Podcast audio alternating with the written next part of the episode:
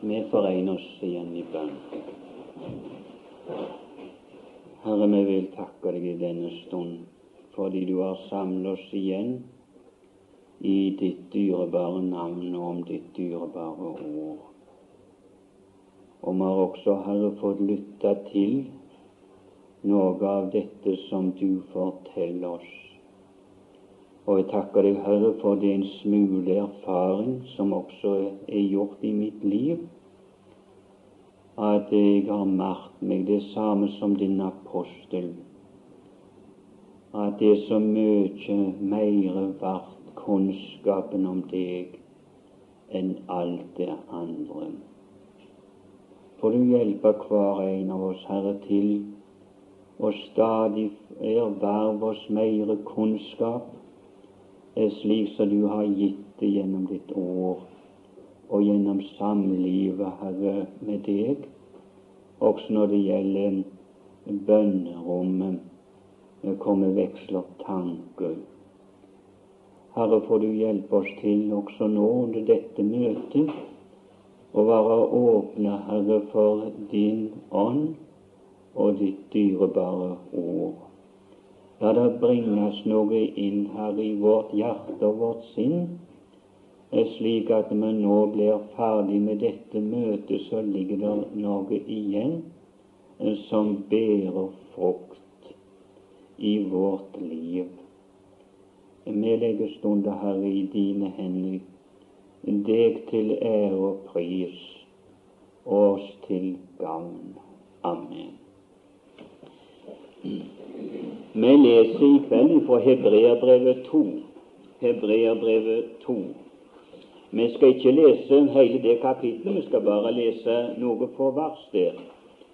Vi leser litt fra første kapittel av Hebreabrevet i går, og jeg tror vi gjør rett i at vi bare fortsetter der jeg har best tro på, og får Bibelen lite grann i sammenheng.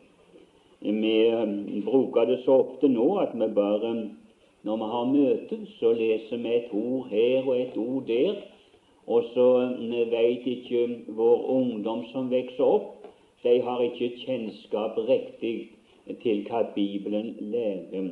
Det blir så spredt. Derfor er det godt når vi nå samles slik på ei uke som denne, og kunne få noe i sammenheng. Og Vi leser der fra vers 1 og utover i kapittel 2 av Hebreerbrevet. Derfor må vi så meget mere gi akt på det som vi har hørt, for at vi ikke skal drive bort derfra. For dersom det ord som var talt ved engler, sto fast, og hver overtredelse og ulydighet fikk sin fortjente lønn, Hvorledes skal da vi unnfly, om vi ikke akter så stor en frelse? Den som først ble forkynt ved Herren, og deretter stadfestet for oss av dem som hadde hørt ham, i det Gud vitnet med både ved tegn og under og mangehånde kraftige gjerninger og utdeling av Den hellige ånd etter sin vilje. For det var ikke under engler han la den kommende verden eh, som vi taler om. Men en har på et sted vitnet så. Hva er et menneske at du kommer ham i hu, eller et menneskes sønn at du akter på ham? Eh, du gjorde ham lite ringere enn englene. Med herlighet og ære kronte du ham og satte ham over dine henders gjerninger. Alle ting la du under hans føtter, for i det han underla ham alle ting, unntok han intet som ikke er ham underlagt. Men nå ser vi ennå ikke at alle ting er ham underlagt. Men den som var gjort lite ringere enn englene Jesus, han ser vi fordi han led døden, kronet med herlighet og ære, for at han ved Guds nåde skulle smake døden for alle. For det sømmet seg for ham, for hvis skyld alle ting er til, og ved hvem alle ting er til, da han førte mange barn til herlighet gjennom lidelser, og fullende deres frelses høvding. For både den som helliggjør, og det som helliggjøres, er alle av én.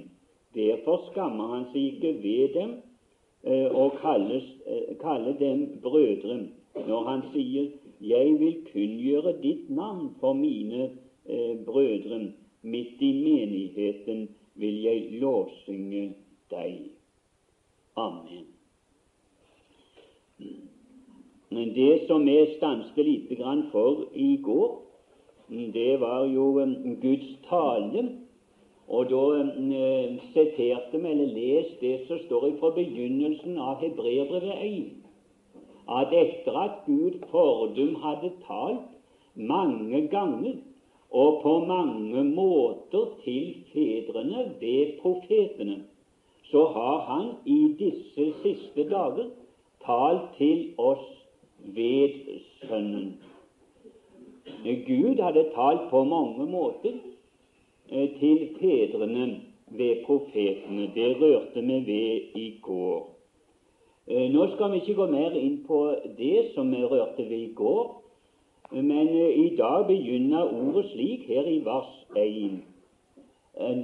Derfor må vi så mye mer gi akt på det som er hørt, at vi ikke skal drive bort derfra. Det er noe som jeg har lyst til å røre ved. Eh, det er den allmenne kunnskap. Det ble begynt slik her fra Filippenserbrevet 3, når apostelen sier at kunnskapen om Jesus Kristus er så mye mer verdt. Eh, det var mange ting som apostelen Paulus hadde gitt seg ut på, og som han hadde eh, studert og han mente også det var ting som han kunne også rose seg av.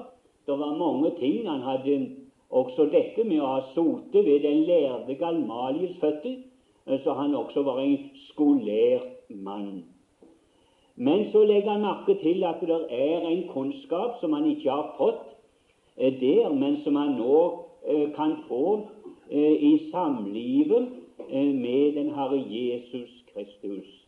Og så er han stadig på jakt etter til å få komme lenger inn i denne kunnskapen.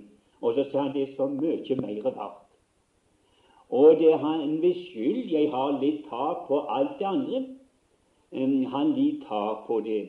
Han lot det bare gå, og han sier nå akter jeg alt det andre for skarn. For skarn. Og når jeg da rører ved dette med den allmenne kunnskap, så er det jo en kunnskap som alle mennesker har når det gjelder Gud, eller det guddommelige. Det er nemlig en kunnskap som vi skal røre ved, eh, som er den allmenne. Eh, det er vel ingenting som uttrykker det bedre enn Romerbrevet, det første kapittel, og ifra vers 18. Der begynner det slik Guds vrede åpenbares fra himmelen over all ugudelighet og urettferdighet hos mennesker som holder sannheten nede i urettferdighet. For alt det som en kan vite om Gud, ligger åpen for dem.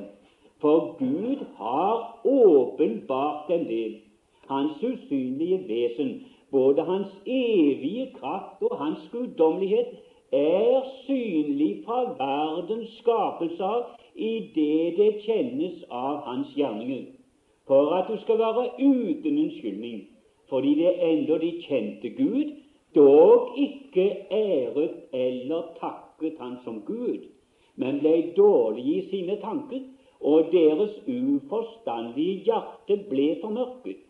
Mens de gjorde seg av å være vise, så ble de dårer. Altså, der er det en allmenn kunnskap om Gud.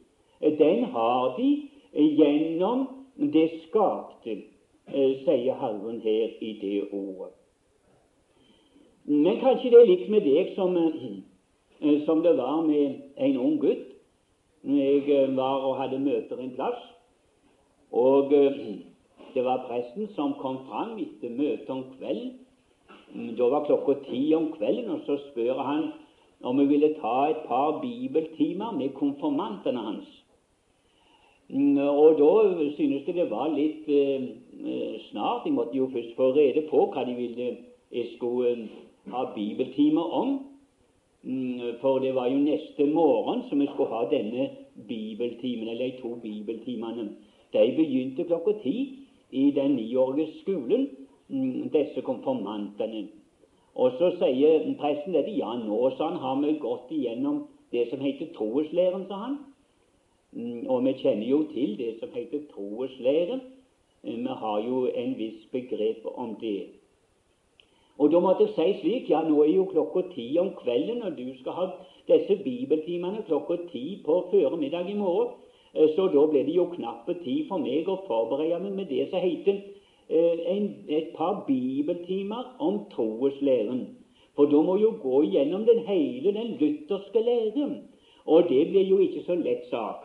Men hvis jeg kan få lov til å bare gå gjennom troeslæren, slik som vi finner i forbindelse med apostlenes lære, da skal jeg love deg det. Så sa han ja, det er akkurat det, sa han. Jeg spør for, sa han. Jeg vil ha det mer direkte ut ifra Skriften, sa han. Det er derfor jeg spør om du vil ta et par bibeltimer. Og så lovde jeg det. Og øh, presten kom og henta meg klokka halv ti. Og når du har sett meg i bil, så sier han slik Nå må du ikke bli forskrekka, sa han. Eh, fordi at de gir gjerne spørsmål når du kommer der. For de er veldig frekke i dag, sa han. Det er av og til når jeg skal ha bibeltime med deg, eh, så stiller de spørsmål til presten, sa han, for å sette presten fast. Så kanskje de stiller spørsmål, men eh, kanskje de er også mer tilbakeholdne når det er en fremmede mann, sa han. Men dette kan hende, altså. Ja, ja, så kom vi inn i, i skolesalen, og de hadde lagt ut bibler på alle pulter. Og ved siden av Bibelen så lå det også et skriveark og en blyant. Eh, så kom presten opp på kateteret, og sier han slik Ja, i dag har vi fått en mann med oss de, eh, noen av dere kjenner han, sa han, for jeg har sett dere på møte. Men det er de fleste av dere de har ikke vært der, så det kjenner han vel ikke. Men jeg skal si hva han heter, sa han, så slipper du å sitte og tenke på det. Skal du også få greie på hva han reiser for. Og når han da hadde gjort det, så sa han nå gir vi ordet til denne mannen, sa han. Og så kom jeg opp, og så begynte jeg akkurat slik som jeg hadde fått ordre om. Jeg kom til å si at i dag skal vi prøve å ha en bibeltime mm, om troeslæren. Det vil si det samme som læren om Gud. Og jeg hadde ikke før uttalt det ordet læren om Gud. For jeg er en gutt langt ned i salen rette opp hånda, og så sa han slik Læren om Gud, sa han. Har du noe bevis på det er noen Gud til? Og presten som satt der nede, han ble aldeles rød. Og, og, og, det var omtrent som han mistet aldeles fatningen. Han, han snudde seg rundt. Han visste ikke hva han skulle gjøre. Mm, jeg bare måtte smile, for jeg synes det var jo ganske rimelig òg at det kom spørsmål. Det var, jeg synes det var ganske rimelig. Men jeg hadde ikke regnet med eh, det kom i den veien. For det kryssa jo hele min bibeltime. Det gjorde det. Men jeg var glad likevel for at gutten spore slik. Og jeg kom til å si det. Ja, dette er jo offentlig, sa jeg. Jeg skal ha en offentlig bibeltime her for dere. Da har det full rett til også å spørre offentlig. Og jeg vil takke deg for du spør. For det er vel for å få svar på det du spør om nå, om vi har noe bevis. Da er jeg veldig glad for at vi har beviser. Vi har beviser for det er en Gud til, og nå skal du få de bevisene. Men nå har du fått eh, bibler her på pultene. Og nå skal du få lese først av de alle. skal du få lese først. Og nå skal du slå opp eh, Salme 14 og vers 1. Og så var det en som hadde snudd seg der og, og, og, og smilte så, så, veldig godt og nikka til den gutten, for nå syntes han de hadde, hadde klart å parert av. Og så sa jeg og så skal du også få lese. Men du skal lese Romerbrevet og vers 18, det som jeg. Og så, og så skulle de legge et ark imellom disse ordene så passet de fant et ord. Og så var det ei jente som sa du skal få lese også et ord. Du skal få lese Lukas 1. Så har vi iallfall tre solide beviser eh, som du skal få med på denne bibeltimen. Og der står slik i Salme 14 det er bare dåren som sier i sitt hjerte der er ingen Gud. Nå må du se på det ordet lite grann. Ser du hvem det er som sier der er ingen Gud? Det er dåren som sier der er ingen. Men da må det være en årsak for det. Det må være en årsak, for han sier vel ikke bare dette ut i løse luften. Han må vel ha et grunnlag, et årsak for han sier det, når han sier det er ingen Gud. Og nå skal du få lese litt til. Du leser det om igjen, og så stanser du ned og sier takk. Så tenker jeg den øh, tingen er løst bare med ordet. Så leser han igjen, og han var veldig flink å lese. Jeg synes jeg fikk dobbelt mye ut av det ordet når han leste, for han leser veldig godt, klart og godt. Og så leser han om igjen. Dåren sier i sitt hjerte, der er ingen Gud, for vonden vederstyggelige er deres gjerninger, og freds vei kjenner det ikke. Takk. Nå har du merket noe. Eh, Der er noe imellom til å si der er ingen Gud, og det til å leve et liv eh, som du kan kalle for et umoralsk liv. Det hører nøye sammen de to ting. For du skjønner, det er det som er årsak for at mennesker sier det er ingen Gud. For gjerningene er vonde, de er vederstyggelige. Og kan de bare få innbille seg sjøl og andre, prøve å berolige sin samvittighet, for det merker de at når de gjør det vonde, så merker de det er noe som hviler over dem, som ikke er godt. Det merker de. Og så prøver de ved dette å, å, å å innbille seg sjøl og andre der er ingen Gud. For kan de det, så kan de leve vilt i sine synder uten å kjenne på dette fryktelige som ligger over deg. Og det er det som er så vanskelig å få til, forstår du. Og så skulle den andre lese, og det var da han leste fra Romerbrevet 1. Og jeg glemmer ikke da, for da var det en overbevisning som senka seg over denne ungdomsskaren som jeg hadde for meg. Du, da merket jeg det. Også disse som hadde gått der og holdt de andre i sjakk, som gikk på møte, og så trodde Bibelens ord, hadde disse prøvd å kue i det de sa det er ingen Gud. Du må ikke være så innbilsk og tro noe sådant. Og har det noen beviser for det er noen Gud til? Slik hadde de gått i denne klassen og holdt dem nære. Og så sitter denne gutten, og så leser han Guds vrede åpenbares fra himmelen over all ugudelighet og urettferdighet hos mennesker som holder sannheten nede i urettferdighet. For alt det som en kan vite om Gud, ligger åpent for dem. For Gud har åpenbart en det for hans usynlige vesen både hans evige kraft, hans guddommelighet, er synlig fra verdens skapelse av i det det kjennes av hans gjerninger, for de skal være uten unnskyldning. For enn når de kjente Gud, så æret de ikke og takket Han som Gud, men de ble dårlige i sine tanker, og deres uforstandige hjerte ble formørket, mens de gjorde seg av å være vise. Så ble det dårer.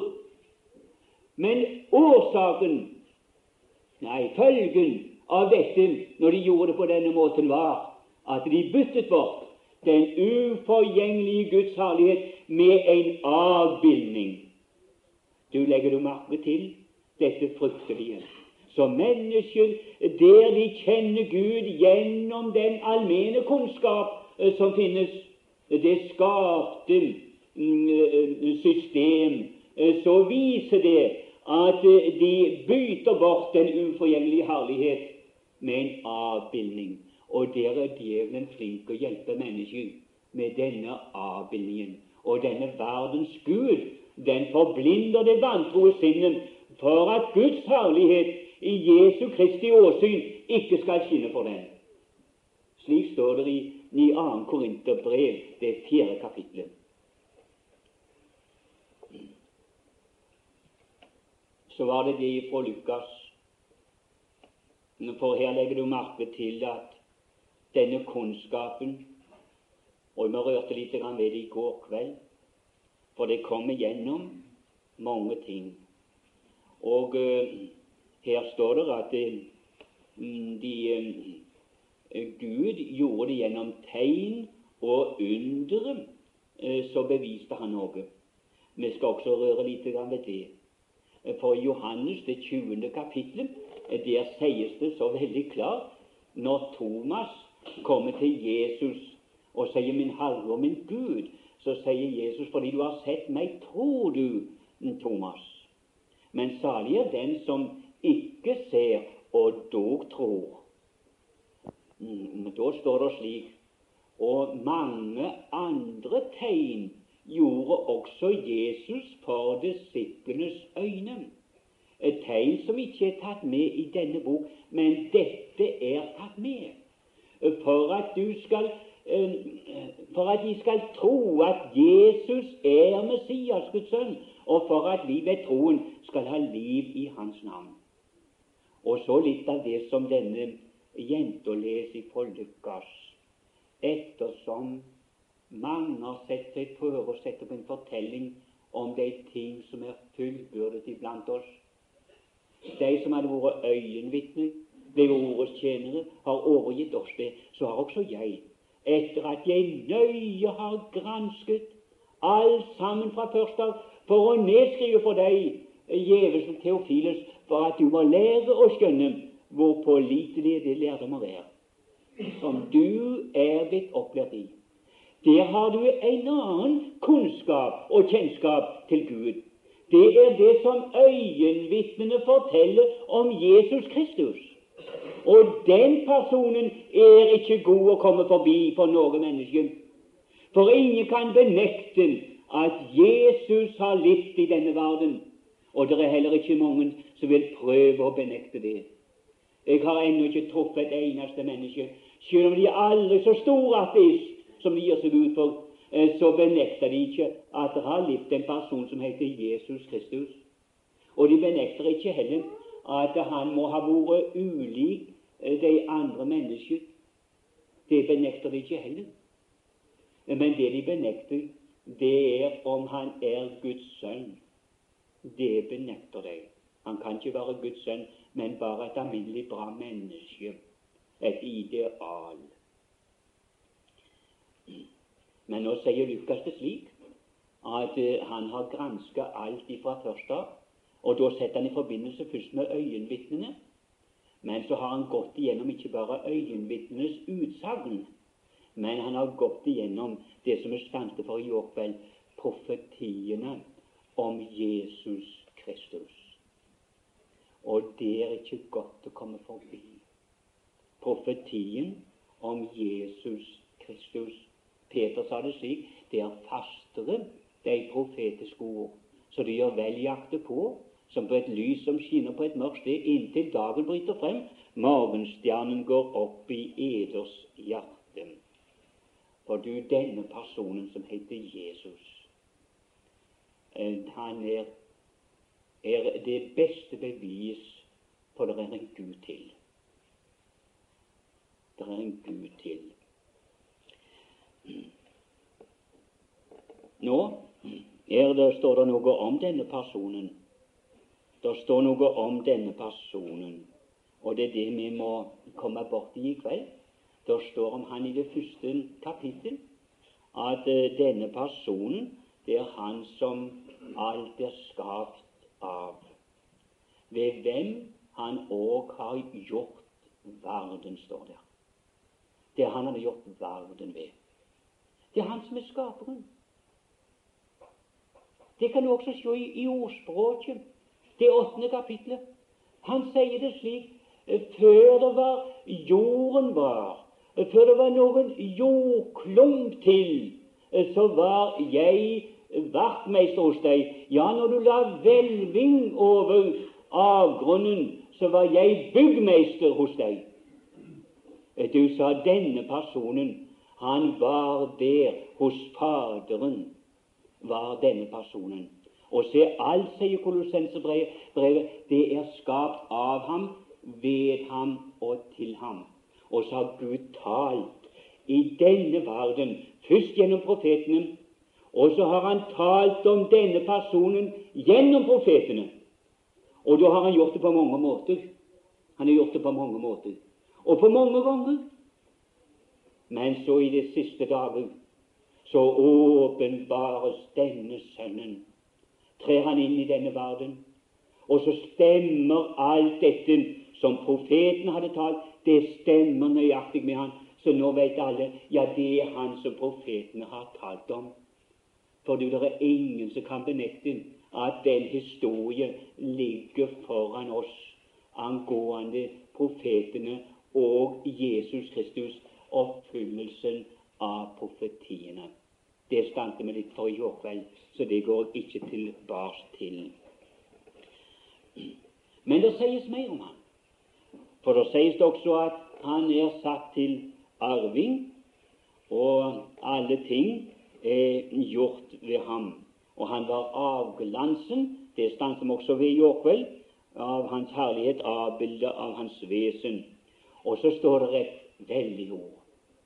Og han bærer alle ting ved sitt kraftsord. Å, for en stor person. For en veldig person som du og meg stanser for nå i kveld og lytter til, som Gud har talt ved Jesus. Du, han bærer alle ting ved sitt krafts ord. Ja, Peter han sier det endatil til slik i det det oppholdes inntil den dag da det ugudelige mennesket skal dømmes og gå fortapt.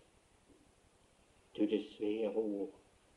Du, så lenge så han oppholder det, så lenge ved blir alt som det er nå. Og når han slutter å opphelle det, så forgår det som han har talt om, skal forgå. For du, alt opphelles ved hans ord. Du må aldri innbille deg at det er verdens vise menn som holder verden oppe, og så holder vi i sjakk. Nei, nei. Du, han har foreskrevet hvordan verden vil bli. Det har han foreskrevet før gjennom profetiene, og Jesus sa det også sjøl. Um, med egne ord sa han det, og uttalte det til mennesket hvordan det skulle bli. Og da viste han tilbake til profetiene det som var sagt der, eh, hvordan verden skulle bli. Men så sa han også dette om enden som skulle komme. Enden så skulle komme. For han er ifra begynnelsen, og så kan han ifra begynnelsen kan han forkynne enden. Og så kan du bare kontrollere om det er noen som er så stor så som denne personen som det tales om, som Gud taler ved så kan han fra begynnelsen eh, forkynne enden. Men han har forkynt det helt ifra, um, uh, helt fra den tidligste morgen. har han forkynt, og så har det skjedd nøyaktig slik som han har sagt i førveien. Og så vil også enden bli slik som han har sagt.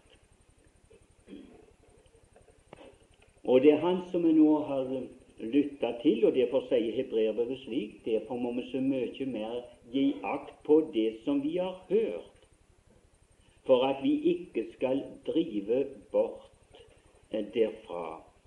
For følgen av at vi driver bort ifra det som Gud har talt ved denne sønnen, sier han også hva det er. Følgen er da kommer en ikke inn til hvilen. Kommer ikke inn til hvilen hvis den driver bort ifra det som Gud forkynner ved denne det som du høre med dine ører. Hvis du driver bort ifra det, så kommer du ikke inn til hvilen.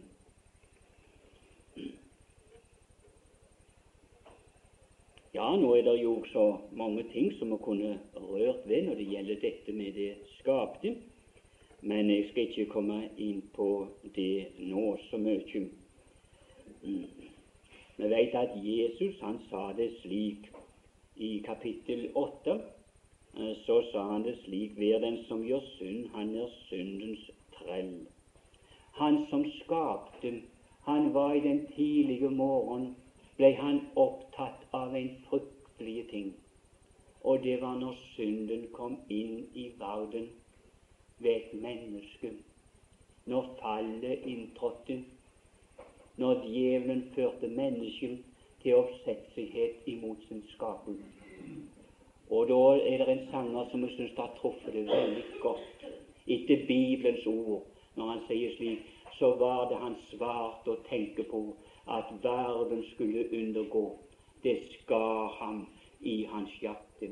Og i sådan hjertens kjærlighet han kom til oss på jorden ned for å lindre all vår smerte.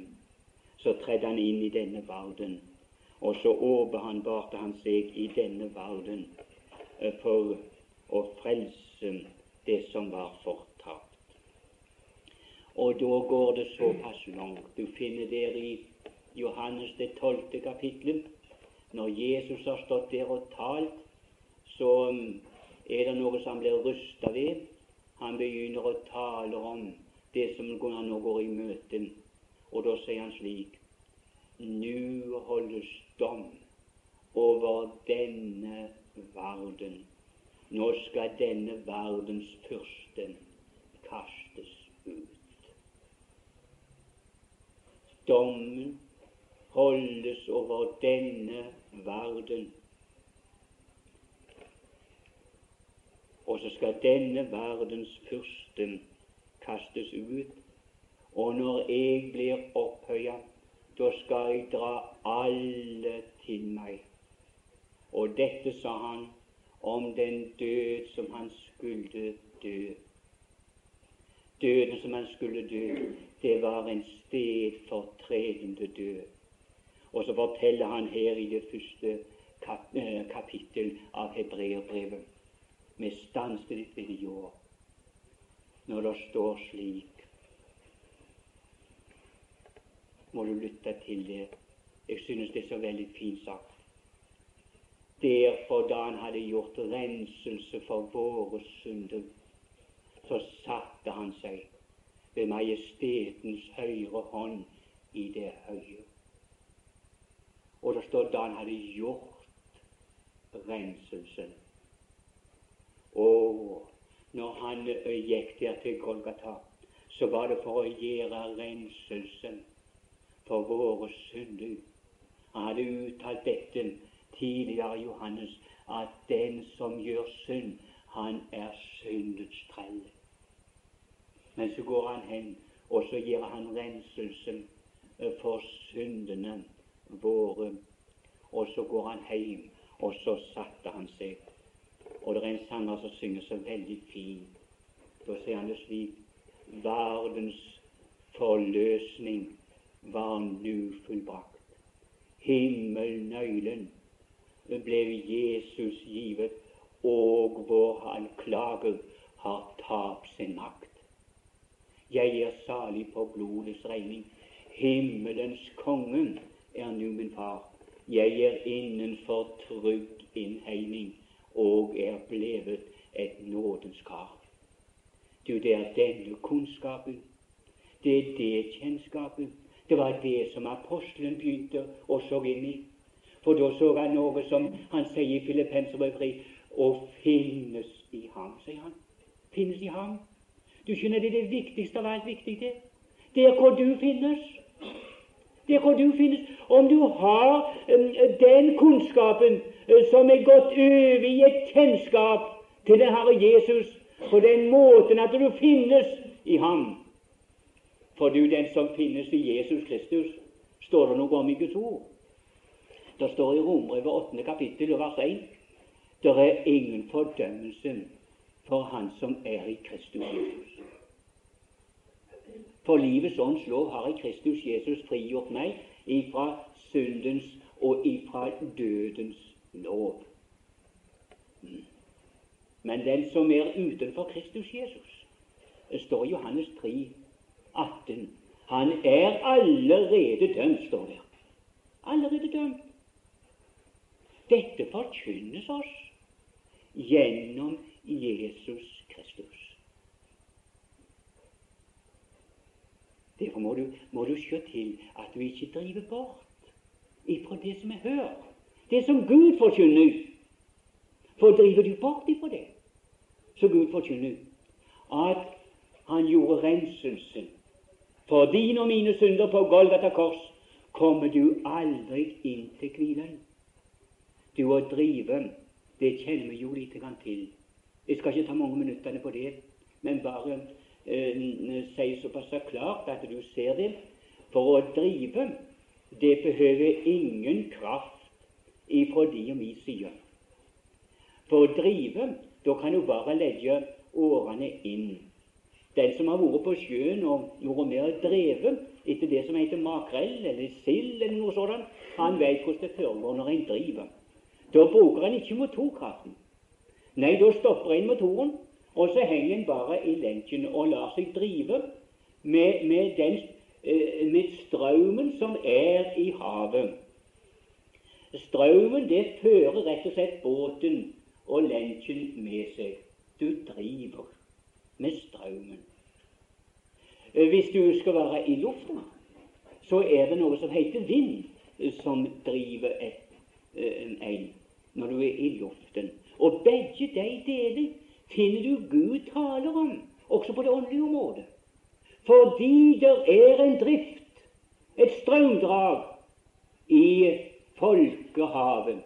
Og han sier det slik den ugudelige, den er som det opprørte hav. Det kan ikke være stille. Du, det er en veldig strøm i folkehavet. Og vet du hvor strømmen går? Strømmen den går stadig lenger og lenger bort ifra kunnskapen om Gud. De bryr seg ikke å eie Gud i kunnskap.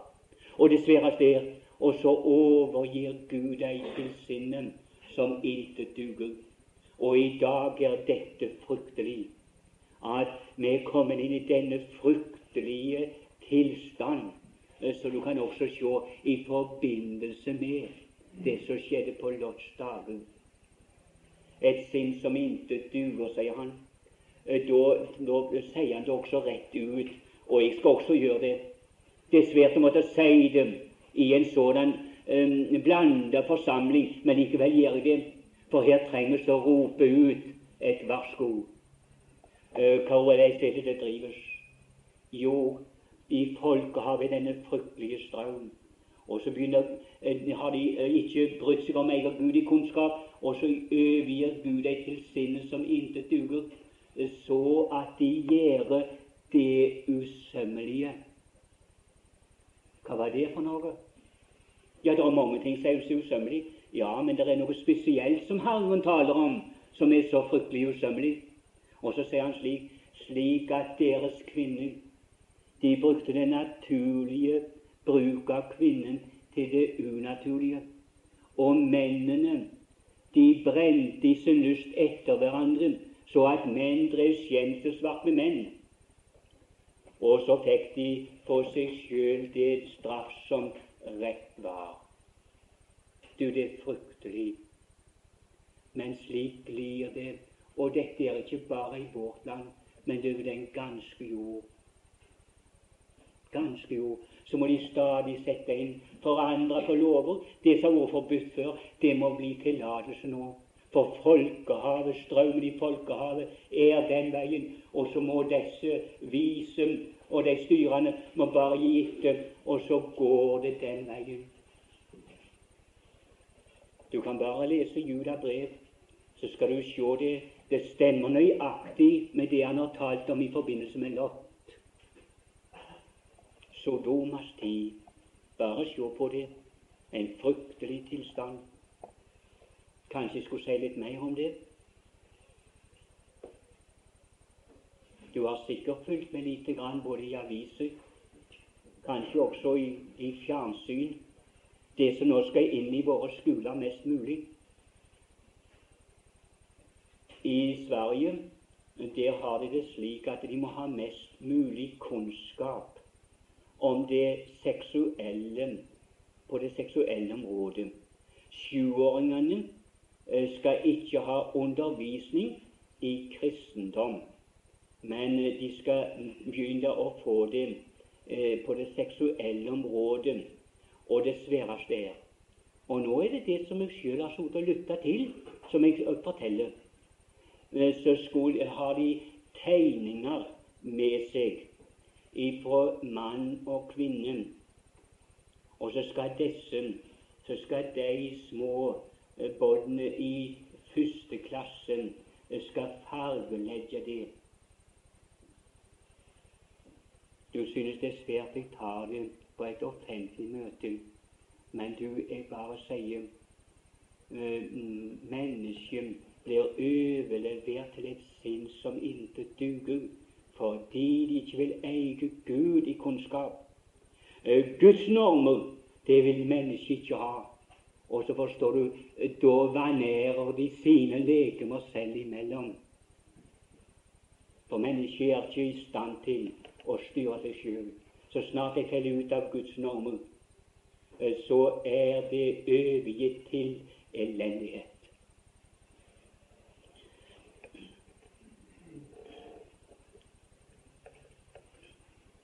Men la oss se litt mer på det, for her står det slik i vers 10 for det sømmet seg for ham, for hvis skyld alle ting er til, da han førte mange barn til herlighet gjennom lidelsen og fullende deres frelses høvding.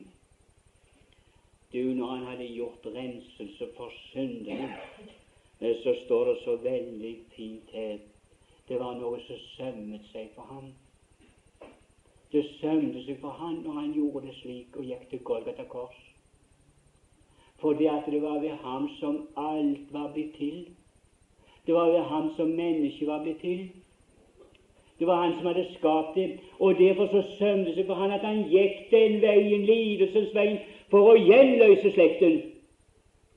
Og så hadde han gjort renselsen, så ingen behøver gå fortapt på grunn av det som har skjedd når det gjelder synden som er kommet inn i deres liv, behøver ingen gå fortapt på grunn av det, men alle kan bli frelst.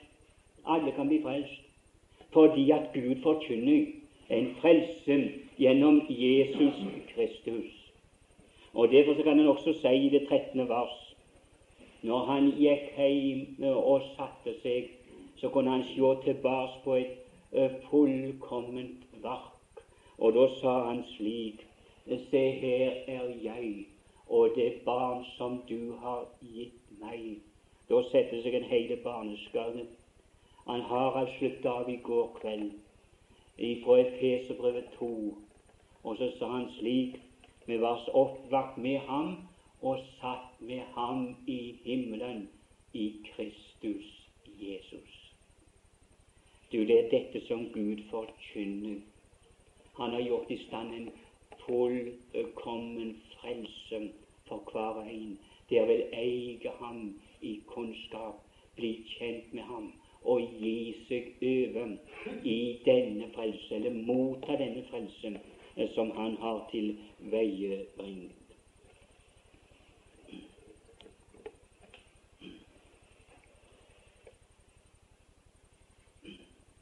Nå skulle vi vel kanskje ha rørt litt mer også ved dette med det fullkomne, men nå får det bare stå til neste møte, for tida har gått ifra oss. Mm, det viser seg at um, i hebreerbrevet så finner du dette. Han sier vi må gå forbi barnelærdommen om Kristus, og så må vi skride frem mot det fullkomne. Du, Det er viktig for deg og meg som er frelst. I særdeles i ei tid som vi lever i dag, så er det så viktig at du og meg går forbi barnelærdommen om Kristus, og vi sklir inn, inn i det fullkomne.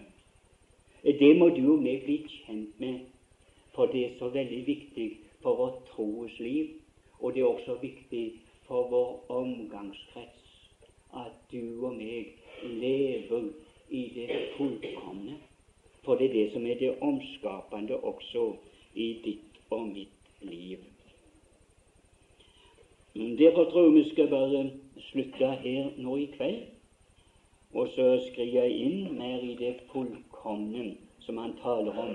Det som du finner angående Jesu frelsesverk mm, etter han har stått opp ifra det døde. Mm, det gjelder å stanse litt for det. Det blir så lite forkynt, synes jeg. Det blir mer talt om bare Jesu død, og så glemmer vi det som er det viktigste, at han sto opp ifra det døde. Han sto opp ifra det døde. Det må du og meg bli kjent med, for det er det viktigste. Du skjønner, hvis vi stanser for bare den døde Kristus, så må bare si slik som um, det står i første Korinterbrev, at uh, hvis det ikke var noe mer enn dette at Jesus døde, uh, du, da, da, var ikke noe frelse blitt deg og meg til del.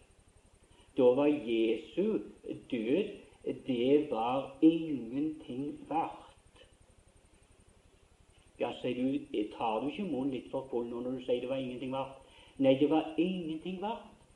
Hvis Jesus bare døde, så var eh, hans død ingenting verdt. For da ville det ikke hjelpe deg og meg. For da sier han slik i 1. Korinter 15 hvis Jesus ikke er oppstanden, da er vår forkynnelse intet. Da er også vår tro intet. Da er vi ennå i våre synder. Og så altså, så Det som er det viktigste, det stanser vi veldig lite for. Men la oss prøve å sette oss litt inn i å få kunnskap om også Jesu oppstandelse og kraften av hans oppstandelse. For det er der kraften ligger. Det er der kraften ligger. Og fordi at han sto opp, skal også du og meg regne med vi skal stå opp også ifra det døde. Om så er at han drømmer å komme igjen, du må gå gjennom døden så skal også du og meg stå opp ifra det døde. Men i alle tilfeller, hvordan det skjer, så skal det iallfall skje et forvandlingsunder med oss, enten vi lever eller vi er lagt i grav. Så skal denne forvandlingsunderet skje fordi han sto opp ifra det døde. Så Gud signe hver en av oss til å eie Gud i kunnskap gjennom Jesus Kristus. Amen. Herre, vi vil takke deg i denne stund for det ord som du har minnet oss om. Men du vet også, Herre, det er så svære krefter eh, som arbeider.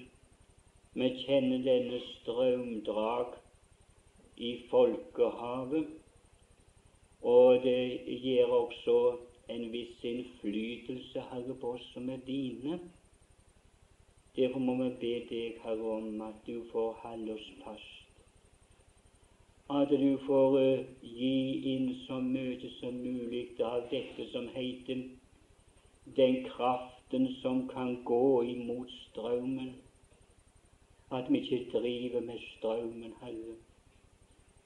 Du vet også en, en veldig strømdrag i luften ondskapens ånde her i himmelrommet, så har vi det også derifra, Herre.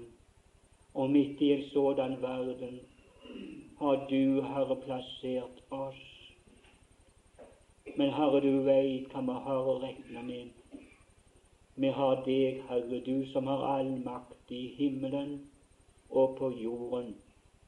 Og du, Herre, har sagt det slik at den som tror på deg, skal aldri bli til skamme. Da vil ingen strømdrag vil ha overhånd over oss. Nei, Herre, heller ikke mørkets makter skal kunne ha overhånd over oss, mer på den seirende sida, fordi, Herre, du har sagt det slik du vil ingenlunde slippe oss, du vil ingenlunde forlate oss. Og du som begynte den gode gjerning, du vil også fullføre den til din dag. Så liter vi på det, Jesus. Men så ser du vi har også noen små med oss her, noen unge med oss her. Herre, får du ta hånd om deg. Det er så svært å være ung i dag, Jesus. Det var ei bedre tid når vi var unge. Da var ikke verden gått i en så stor forråtnelse som den holder på å gjøre i dag. Herre, det glir så veldig ut. Og vi vil be deg, Herre, må du ikke drøye lenge før du kommer at det ikke blir så svært. Du vet vi har så mange små, Herre, som vi har omkring oss. Og så er vi så redd de skal bli gjort til råd for varslig visdom og tomt bedrag. Hvor, Herre, de skal komme inn i denne innbilningen hvor de bytter bort den uforgjengelige herligheten med en avbildning. Herre, vil du ta hånd om våre hånd om disse små. Veit du om folket her, Herre, på denne plassen og ved Randaberg, så har du også Herre i nærheten av oss, vi denne store by Stavanger. Har vi også denne veldige Karmøy, Herre, der borte. Har du vårt kjære land. Takk for vi skal få lov, Herre, å minne deg om det. Vil du forune oss, Herre, en landsvekkelse vil forune oss dette at du blotter din arm til frelse, at mennesker kunne komme i samme tilstand som de var før, Herre. Når de ropte i sin nød, både unge og gamle, de måtte bli frelst. Herre, la ham få høre barnet skrike sammen med oss. Vi får mennesker det roper til deg, de må bli frelst. Det er så lenge siden, vi hørte disse toner på den måten, som får du. Herre, vi ber ikke hva fortjeneste, men fordi du, Jesus, har fortjent det. Derfor så ber vi, og det i ditt navn vi ber. Og du som har sagt det, alt det vi ber Faderen om i ditt navn, det vil du gjøre. Så skal vi få lov å tro det, Herre, at dagen ikke er så langt vekke, for du gir oss en sådan når de roper i sin nød, og skarer blir frelst. Sign du møtene fortsatt hvis du dryer med å komme igjen, Herre. Sign du møtene fortsatt, slik at vi som er dine, vi blir oppbygd på vår aller høyeste tro. At troeslivet vårt, Herre, får vokse ved kunnskapen om deg, Jesus Kristus. Amen.